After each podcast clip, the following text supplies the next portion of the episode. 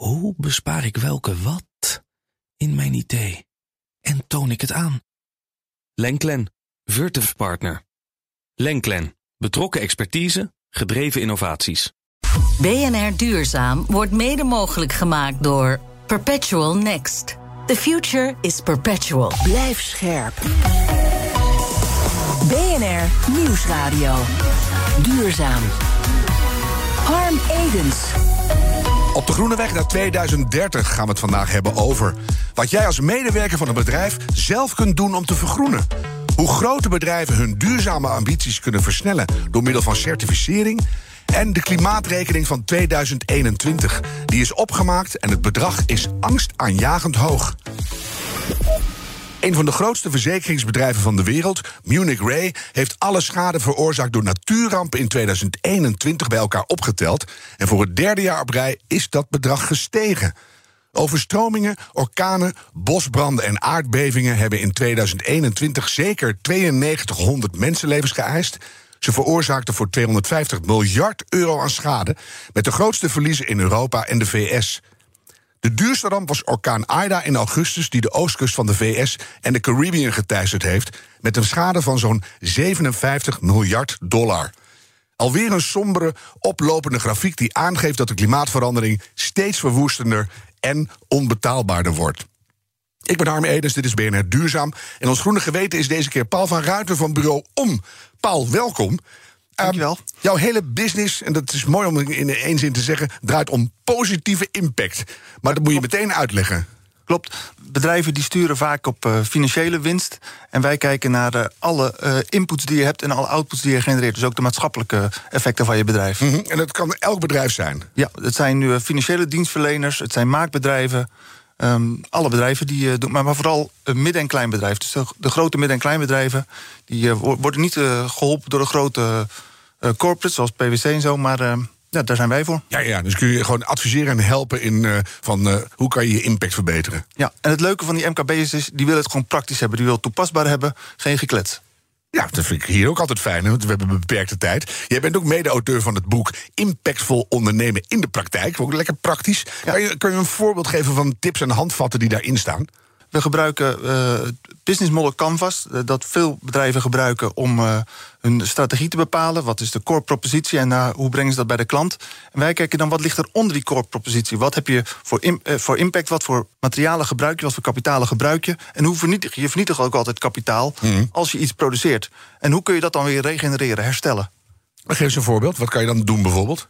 Nou, je kunt, uh, um, je kunt waarde behouden uh, ja. door ze uh, opnieuw te gebruiken nadat het product afgedankt wordt. Dus eigenlijk anders kijken naar je hele productieketen. En aan het eind ben je niet per se aan het eind. Dingen nee, kunnen klopt, circulair worden, ja. hebben restwaarde, ja. enzovoort, enzovoort. Klopt. Als ik het boek uit heb, weet ik dan ook wat ik doen moet? Of hebben we dan nog steeds jullie nodig? Nee, dat kun je zelf. Het is, het is een zelfhelpboek. Oh, ja. dat is helemaal in. Ja. Paul, jij bent deze uitzending ons groene geweten... en jij bemoeit je volop met het gesprek dat we nu gaan voeren. Hartstikke goed. BNR Duurzaam. Het certificeren van bedrijven op duurzaamheid helpt om ze echt groener te maken. Dat zijn niet mijn woorden, maar die van mijn gast, Hubertine Roesing. Ze is directeur Benelux van B-Lab Europe. Hubertine, fijn dat je er bent. Uh, jullie zijn een uh, non-profit club achter de B Corp certificering. Hè? Ja, dat klopt. Fijn om hier te zijn. Uh, dank je, Harm. Ja, laten we even beginnen met de oorsprong van dat initiatief. Dat was geloof ik ergens in de jaren negentig. Klopt dat? Ja, dat klopt inderdaad. En hoe ging dat? Nou ja, het uh, uh, begon met drie uh, oprichters van een succesvol basketbal schoenenmerk, And One. En dat hebben ze na een aantal jaren heel succesvol verkocht. Ehm, uiteindelijk kwamen er nieuwe eigenaren, uh, nieuwe investeerders achter. En die hadden winstmaximalisatie voorop staan. En niet meer het gedreven impact ondernemen waar deze oprichters vandaan kwamen. En uh, ja, ze waren echt wel gedesillusioneerd uh, over de richting en de koers die het bedrijf nam. Mm -hmm. Ze dachten, dit moet anders kunnen. Dit geldt niet alleen voor ons, maar voor heel veel bedrijven wereldwijd. We gaan een organisatie, een non-profit optuigen... die de maatschappelijke impact van bedrijven kan meten, benchmarken... en uiteindelijk ook certificeren. Niet alleen in Amerika, mm -hmm. want het initiatief is in Amerika ontstaan maar eh, juist ook internationaal gezien. En Ja. eh, weet jij nog wat ze destijds als definitie van maatschappelijke impact hebben geformuleerd? Hoe zag dat eruit? Nou, dat ging heel erg over toch de verantwoordelijkheid nemen voor je keten. Hè. Het was een, eh een basketbalschoenenmerk. Ze zaten eh, in verschillende landen als het om een keten ging. Maar ook gewoon netjes omgaan met je werknemers. Wat bied je je werknemers? En hoe ga je met de gemeenschap om, om Ja. je heen? Hoe sta je als bedrijf in, je, in de maatschappij? En hoe neem jij daar je verantwoordelijkheid? Ja, het is eigenlijk het hele functioneren van, van je bedrijf en de keten die daaruit voortkomt. Hè. Stel, Zeker, Stel, ik ben een producent van plastic koffiebekers, lekker concreet. Daar, hou- Ja. daar houden ze bij om ook van. Ja. En ik bel jullie om de boel door te komen lichten. Wat ga jij dan stap voor stap met me doen? Nou, allereerst, ieder bedrijf is natuurlijk welkom om het B Corp-proces te starten. Eh, en in het heel kort bestaat het traject uit drie stappen. Stap 1, het meten van je impact aan de hand van de B Corp Assessment. Stap 2, het verifiëren en het valideren van je impact score. En stap 3, het wijzigen van je statuten. En eh, ik zal ze kort toelichten. Ehm, een bedrijf start met onze online gratis B-Impact Assessment. En dit is een vragenlijst die ze zelf kunnen invullen. Ja, ga ik je meteen Zie even onderbreken, als een want- meetlat voor impact. Ja, maar hoe betrouwbaar is Ja. dat dan? Want eh, sommige bedrijven zijn zo meerlagig en enorm financieel eh, complex opgebouwd via de Cayman-eilanden. Ja. Ik, ik kan je heel makkelijk wat verkeerde koffiebekerinformatie geven. Nou, ieder bedrijf kan dus met die self-assessment starten. Het is wel zo dat onze analisten, eh, en dat brengt me meteen naar stap 2 ook, van die drie stappen. Mhm. Eh, hè, als je de assessment hebt ingevuld, dan ga je op voor een review. En eh, dan ga je in gesprek met onze analisten. Moet je documentatiemateriaal indienen. Mhm. Allerlei data laten zien. En 10% van de gevallen die krijgt een onaangekondigde bedrijfsbezoek. Dus je moet wel daadwerkelijk aantonen dat wat je zegt, dat je dat ook daadwerkelijk doet. Ja. Ehm, en meer algemeen om in te gaan op jouw vraag eh, over hoe betrouwbaar is. Nou, ik denk niet dat het in belang is van een bedrijf om te liegen over een impact en daar mooie sier mee te maken. Het is uiteindelijk, B Corp is een publieke commitment.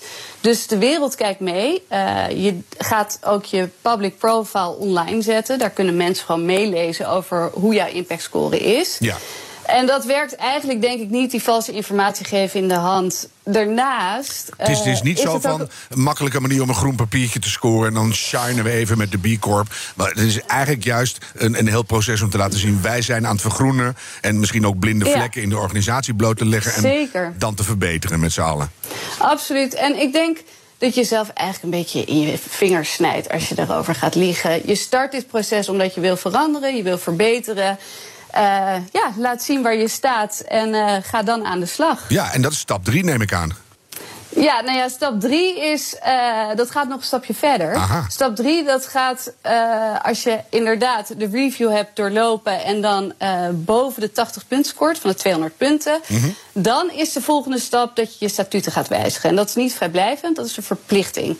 Dus we vragen organisaties hun eh, duurzame missie echt te verankeren in die statuten. Ah, ja. En wat bedoel ik daarmee? Het belang van de stakeholders, ofwel die belanghebbenden, dus de werknemers, klanten, leveranciers, de gemeenschap, noem het maar op, dient in de besluitvorming en in de bedrijfsvoering. eh, bedrijfsvoering van het bedrijf te worden meegenomen. Ja. En dat leg je vast in je statuten. En En, dus dat ook- geeft eigenlijk meteen. Ja, dus ook, de, ook de aandeelhouders die dan eh, moeten zeggen van... eh, dit, dit, dit, dit onderschrijven wij, dit is goed. Exact, Ja. precies. En dat is het. Dus een, een CEO of een ondernemer dient dat gesprek ook aan te gaan met investeerders en aandeelhouders. Mhm. Van waar staan wij voor? Wat is ons bestaansrecht? En eh, hoe willen we toekomstgericht ondernemen? Wat is daarvoor nodig? Ja, Nou, er zijn er wereldwijd zo'n 4000 gecertificeerde bedrijven op dit moment. Wat zegt het over mij eh, als een onderneming dat papiertje heeft? Eh, Geeft dat extra vertrouwen? Van daar wil ik wel mee werken. Hoe werkt dat in de praktijk? Nou, in de praktijk, overal waar je ter wereld komt, hè, het B Corp label staat voor hetzelfde. Dus die 4000 bedrijven, daarvan weet je dat ze één, hè, een impact score van boven de 80 hebben. Twee, transparant zijn omdat ze hun eh, profiel publiek maken. En drie, aansprakelijkheid nemen. Eh, en dat dus verankeren in hun statuten dat ze met oog voor mens, milieu en maatschappij ondernemen. Ja. Ehm, maar eigenlijk gaat het wel wat verder dan dat. Het laat vooral zien dat het bedrijf ook deel uitmaakt van een internationale beweging van gelijkgestemde bedrijven. Ja. die hun business echt willen inzetten als een force for good. Waarbij die winst en die positieve impact zeg maar hand in hand gaan. Ja, en dan hopelijk En het- binnenkort zijn we zover dat het niet meer nodig is. Want dat zou eigenlijk elk bedrijf moeten doen. Want iedereen die Ja. dat niet doet, maakt nu winst op kosten van de toekomst. En die, Ja. dat kan niet langer. Dus Paul, jij Ja. zit hier enorm eh, te, te wuiven. me. Want jij wil eigenlijk ook iets vragen over de nieuwe EU-wetgeving over duurzaamheidsrapportages. Ja, Aan ik, Hubertine. eh, ik vroeg me af, Huberdien. Die eh, eh, Corporate Social Responsibility eh, Directive die eraan komt... is dat nou Ja. een, eh, een steun voor eh, B Corp of is dat een belemmering? Ik kan me voorstellen namelijk dat bedrijven hun tijd maar één keer kunnen besteden. Dus als ze ook al de CSRD moeten doen... dat ze zeggen van, nou ja, B Corp doen maar even niet, we hebben al iets. Mhm. Of zeg je van, dit helpt ons juist in onze missie... want de, die CSRD werkt in dezelfde richting als wat wij voor ogen hebben. Nou, ik vind het een eh, hele goede ontwikkeling. Eh, het is zeker goed nieuws.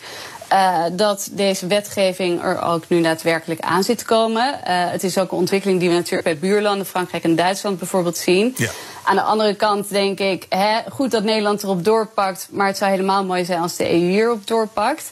En het is een mooi voorbeeld van een bottom-up initiatief. Waarbij B Corp Tony Chocolonely ruim een jaar geleden minister Kaag in een brief heeft opgeroepen. om aan de slag te gaan met deze nieuwe wetgeving. Nou, die brief is ondertekend door meer dan 40 B Corps.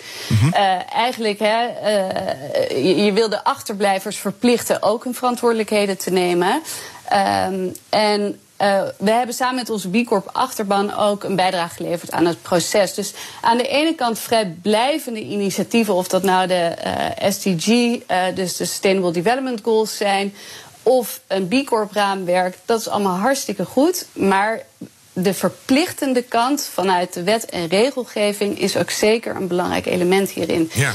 Dus wij kunnen dit alleen maar toejuichen. En zou je ook kunnen zeggen dat zolang die eh, wettelijke verplichting er niet is... dat dat de grootste belemmering voor versnelling is?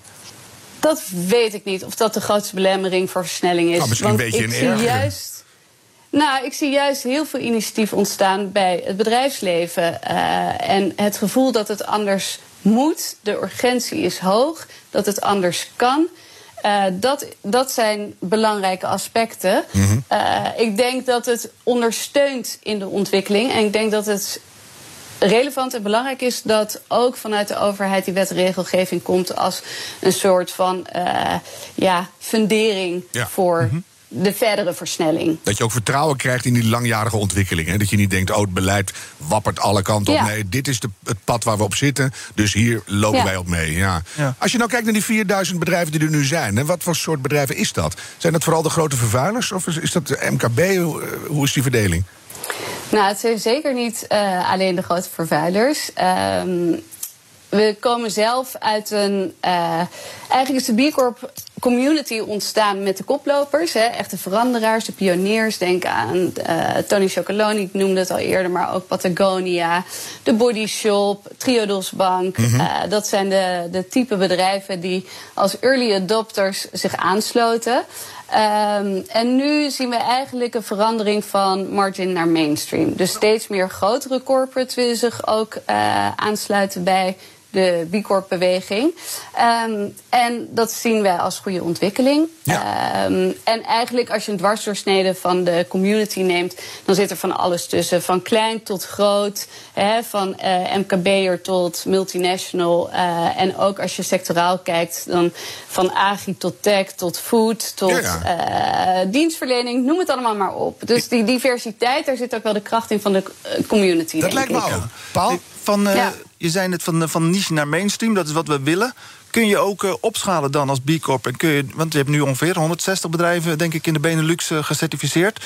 Nou, we Ja, hebben 1,8 ja, dat klopt. miljoen bedrijven in Nederland. Of 4, Ja. 4000 die onder de CSRD-verhaal vallen. Kun je ook echt opschalen? Kun je dat tempo maken? Kun je het tempo bijmaken als, als bijhouden als iedereen nu eh, B Corp wil worden? Nou, dat is een goede vraag. We zijn natuurlijk een internationale, internationale organisatie. Dus hè, die vraag vanuit de verschillende markten wereldwijd is groeiende. Niet alleen hier in de Benelux, maar ook in Europa. En eh, gewoon eh, ja, wereldwijd zien we echt dat mensen of organisaties nu aan de slag gaan uh, met onze assessment. Uh, dus dat, ja, dat betekent dat uh, er een succes achter het verhaal zit. Tegelijkertijd uh, zien we ook dat de organisatie uh, ja, een ontwikkelingsslag moet maken om die vragen aan te kunnen. Ja, ja. Nou, dat moet je dan maar gewoon doen. Als jij nou uh, ja. even uit je hoofd één bedrijf mag noemen waarvan jij zegt dat Nederlandse bedrijf dat zou ik als liefste nu onmiddellijk willen certificeren. Welke is dat? Ja, dat vind ik een lastige, want die bedrijven die in het proces zitten, dus in onze uh, database, dat is allemaal vertrouwelijk. En daar nee, zitten maar die zijn er bedrijven al. tussen die nee, maar echt die, die, die komen vind. goed. Maar die er nog niet in zit, wie zou je willen? Droom vooruit. Ja, um, ja. Harm, nogmaals, die bedrijven die echt. Waar die ik heel niet, hoog hè? heb zitten. Nee, ik mag het niet vertellen. Ik kan nee, het maar niet die, vertellen. mag, die zijn de hoef je niet te vertellen. die. Maar gewoon die nog helemaal niet meedoen. Gewoon Ja. een bedrijf waar je zegt, ik vind het zo'n leuk bedrijf, maar ze doen nog helemaal niet mee. Begint met de T en het eindigt op ATA-stiel. Ja, of het begint met de H en het eindigt op EMA. Of, Ja. ik hoor het al. Nou ja, je gaat er helemaal nou, over gaat- nadenken. Mis- misschien hoor ik het aan het eind. BNR Nieuwsradio. Duurzaam. Harm Edens. De spanning stijgt. Hubertine Roesing is nog heel Ja. even directeur Benelux van B-Lab Europe. Ze neemt na zeven jaar afscheid van het certificeringsinstituut. Ons groene geweten is Paul van Ruiten. Uh, Hubertine, je begon zeven jaar geleden in eh, deze huidige functie... die je binnenkort gaat verlaten. Heb jij het sentiment sindsdien zien veranderen in al die boardrooms? Zijn CEO's nou echt bereid om langzaam maar duurzaam te veranderen? Nou ja, als ik nog iets verder uitzoom en terugkijk op de bijna 20 jaar dat ik actief en werkzaam ben in dit veld, zie ik een duidelijke verschuiving. Hè, van die paar roependen in de woestijn over het belang van duurzaamheid in bedrijfsleven naar een hele belangrijke agenda, eh, be- belangrijk agendapunt nu in de boardrooms van vandaag. En ook de taal van die transitie is verschoven van maatschappelijk verantwoord ondernemen naar woorden als impact, purpose, Ja. regeneratief, noem maar op. Maar als ik vervolgens inzoom op die afgelopen zeven jaar, zie ik ook echt wel een kanteling in de gesprekken met executives. Gelukkig is het niet meer de vraag of bedrijven er iets mee moeten doen. Het gaat er veel meer in op de vraag hoe bedrijven kunnen handelen. Ja. Dus ik zie wel dat het sentiment veranderd is en de bereidheid ook. Maar ik denk dat het voor een groot deel ook nog wel ontbreekt aan. Eh, ja, doorpakken op concreet handelingsperspectief. En zou het Eh, helpen als we daar strengere regels voor krijgen? Dat er echt een juridische onderbouwing komt van het moet. En dat je als CEO bijvoorbeeld ook wordt aangenomen... en dan voortaan wordt afgerekend op de mate waarin jij je bedrijf... al dan niet eh, met wat je afgesproken hebt, hebt weten te vergroenen. Ja, nou ja, dat, dat gaat eigenlijk over meer systemisch er ook ernaar te kijken. Eh, ik denk wel dat er een weeffout in het economisch systeem zit... waarbij hè, die aandeelhouderswaarde en winst voorop heeft gestaan voor Ja. zo lang... ten koste van alles en iedereen. En eh, dat we eh, ja, moeten overstappen van het gangbare shareholdersdictaat... gericht op die korte termijn winstbejag... naar een stakeholdersbenadering die gericht is op het ondernemen... met oog voor mens, milieu en maatschappij... En ja, zo zou dat wat ons betreft ook in de statuten van bedrijven moeten staan. Het stakeholdersperspectief meenemen, zodat CEO's een mandaat krijgen en niet, eh, om daarnaar te handelen. En dus niet enkel en alleen worden afgerekend op Ja. eh, die lange termijn winsten. En kop, koppel dat voor Eh, mij eens even door richting wetgeving uit Europa. Moet dat niet gewoon, want als je over tien jaar als bedrijf er nog wil zijn... dan moet je impact dus kloppen. Dus dan hoor je dat gewoon wettelijk te regelen, zou Ja. je zeggen. Ja, en dat eh, is ook de wetgeving eh, waar wij nu naar kijken samen met de Europese Commissie vanuit B-Lab Europe dan. Ah. Om daar verder vorm aan te geven. Dus we maken ons daar zeker hard voor. En dat doen we niet alleen, dat doen we altijd in eh, samenwerking met die meer dan 700 B-corps in Europa. Die we nu echt als duidelijke achterban hebben. Ja, En dat die helpt, hè?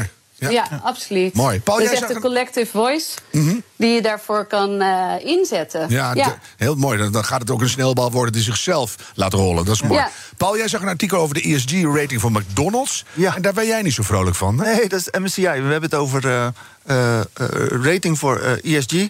En eh, MSCI heeft McDonald's een hogere rating gegeven... ondanks de toegenomen CO2-uitstoot. En wat was de uitleg? Ja, de uitleg was dat is geen eh, kritische productiefactor. Oh. Er zijn geen kansen voor winst of verlies dankzij CO2 voor McDonald's. Dus Terwijl- stelt het niet mee. In dat vlees zit niet heel veel CO2 of zo. Ja, of in de- ja, precies. Hubertine, wat vind je ervan? Want dit zou je wel gewoon keihard tegenwerking kunnen noemen. Ik vind dat wel een beetje tricky inderdaad. En Kijk, er is één kant hoe je naar bedrijven kan kijken. Dat is meer vanuit ESG benaderd, inderdaad. Hè. Uh, dat is de do no harm, die hygiënefactoren op orde hebben. Mm. Wij proberen echt naar uh, business impact te kijken. Naar de, ja, je, je impact voor ondernemen, positieve impact op de maatschappij. Dus niet alleen maar uh, minder doen van het slechte, ja. maar juist het ook echt beter doen. Um, en volgens mij is dat precies ook waar Paul uh, zich voor inzet. Voor die ja. positieve impact. Ja, dat hoort hier niet helemaal terug op die manier. Maar goed, ESG-rating is Environmental, Social and Governance. Dat is voor dat maatschappelijke. En dan toch zeggen ze ja, maar alleen als het aan de bottomline, aan de financiële bottomline uh, toevoegt. Ja, dan merk je toch, Hubertien, ja. dat die tegenkrachten nog steeds heel machtig zijn. Dus we, Zeker. Mo we moeten Zeker. er nog harder tegenaan met z'n allen. Hoe ga je dat doen de komende ja. tijd? Waar, waar ga je naartoe? Wat ga je doen? Ikzelf. Ja? In ieder geval niet vanuit de rol van uh, B-Lab, omdat ik daar uh, wegga. Uh, maar ik zal me altijd blijven inzetten en een bijdrage willen leveren aan een betere wereld. Hoe ik dat precies ga doen, ik heb heel veel ideeën. Mm -hmm. uh, en uh, daar ga ik rustig de tijd voor nemen om daar verder over na te denken. Ja, maar nou, het zal zeker op diezelfde volgen. koers doorgaan. Want we kunnen je ja. nog helemaal niet missen. Weet je al een bedrijf wat gecertificeerd moet worden?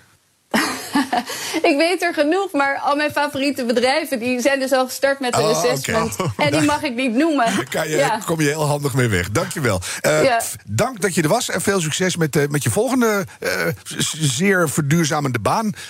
Hubertine Roesing, nou, dankjewel. Dank. Leuk om hier te zijn. Paul, ja. wat ga jij onthouden van dit gesprek? Wat neem jij mee vanavond naar de eetkamertafel? Nou, het is nog niet af. Maar uh, er zit uh, uh, goede versnelling in vanuit de B Corp. En Hubertien gaat, waar ze ook zit, gaat ze ons helpen. Ja, en ik ben nu toch, zo werkt mijn hoofd dan weer. Dan denk ik toch, welke bedrijven zouden daar nu allemaal in de pijplijn zitten? Hè? Ja. En dan met name ook in Europa. Hoe gaan we samen nou dat verschil maken? Is dat voor, voor jullie in samenwerking ook een idee? Want jullie doen ook precies hetzelfde qua impact. Ja, ik denk dat we zeker een keer een kopje koffie gaan drinken samen. Dat, is, dat, dat kan niet meer. We gewoon meteen goede plannen maken en dan hoogte in. Als jij, als jij een bedrijf zou moeten doen, wie zou jij nou echt graag willen certificeren? Um, een bedrijf als Rituals, wat al, wat al gecertificeerd is. Maar dat, dat, dat soort uh, bedrijven dat vind ik leuk, hè, die in de consumentenartikel ja. echt zitten. En, uh, en maar ook nog qua verpakking, wat weet ik veel wat. veel te doen is. Een enorme ja. veranderingsslag ja. te maken is. Hè. Ik ga meenemen dat ik het gevoel heb dat het echt helpt als je dat allemaal samen doet. Ik zeg het vaker, Klopt. maar dat is echt aan de hand. Dat we zeggen, we staan hier met z'n vierduizenden te veranderen, dus kan de rest even meedoen. Paul, dankjewel. Dit was BNR Duurzaam. De groene weg naar 2030. Laten we die met z'n allen nemen. En een beetje doorlopen graag. De tijd van treuzelen is voorbij. BNR Duurzaam wordt mede mogelijk gemaakt door Perpetual Next. The future is perpetual. Hoe bespaar ik welke wat in mijn idee? En toon ik het aan? Lenklen, Virtuf Partner. Lenklen, betrokken expertise, gedreven innovaties.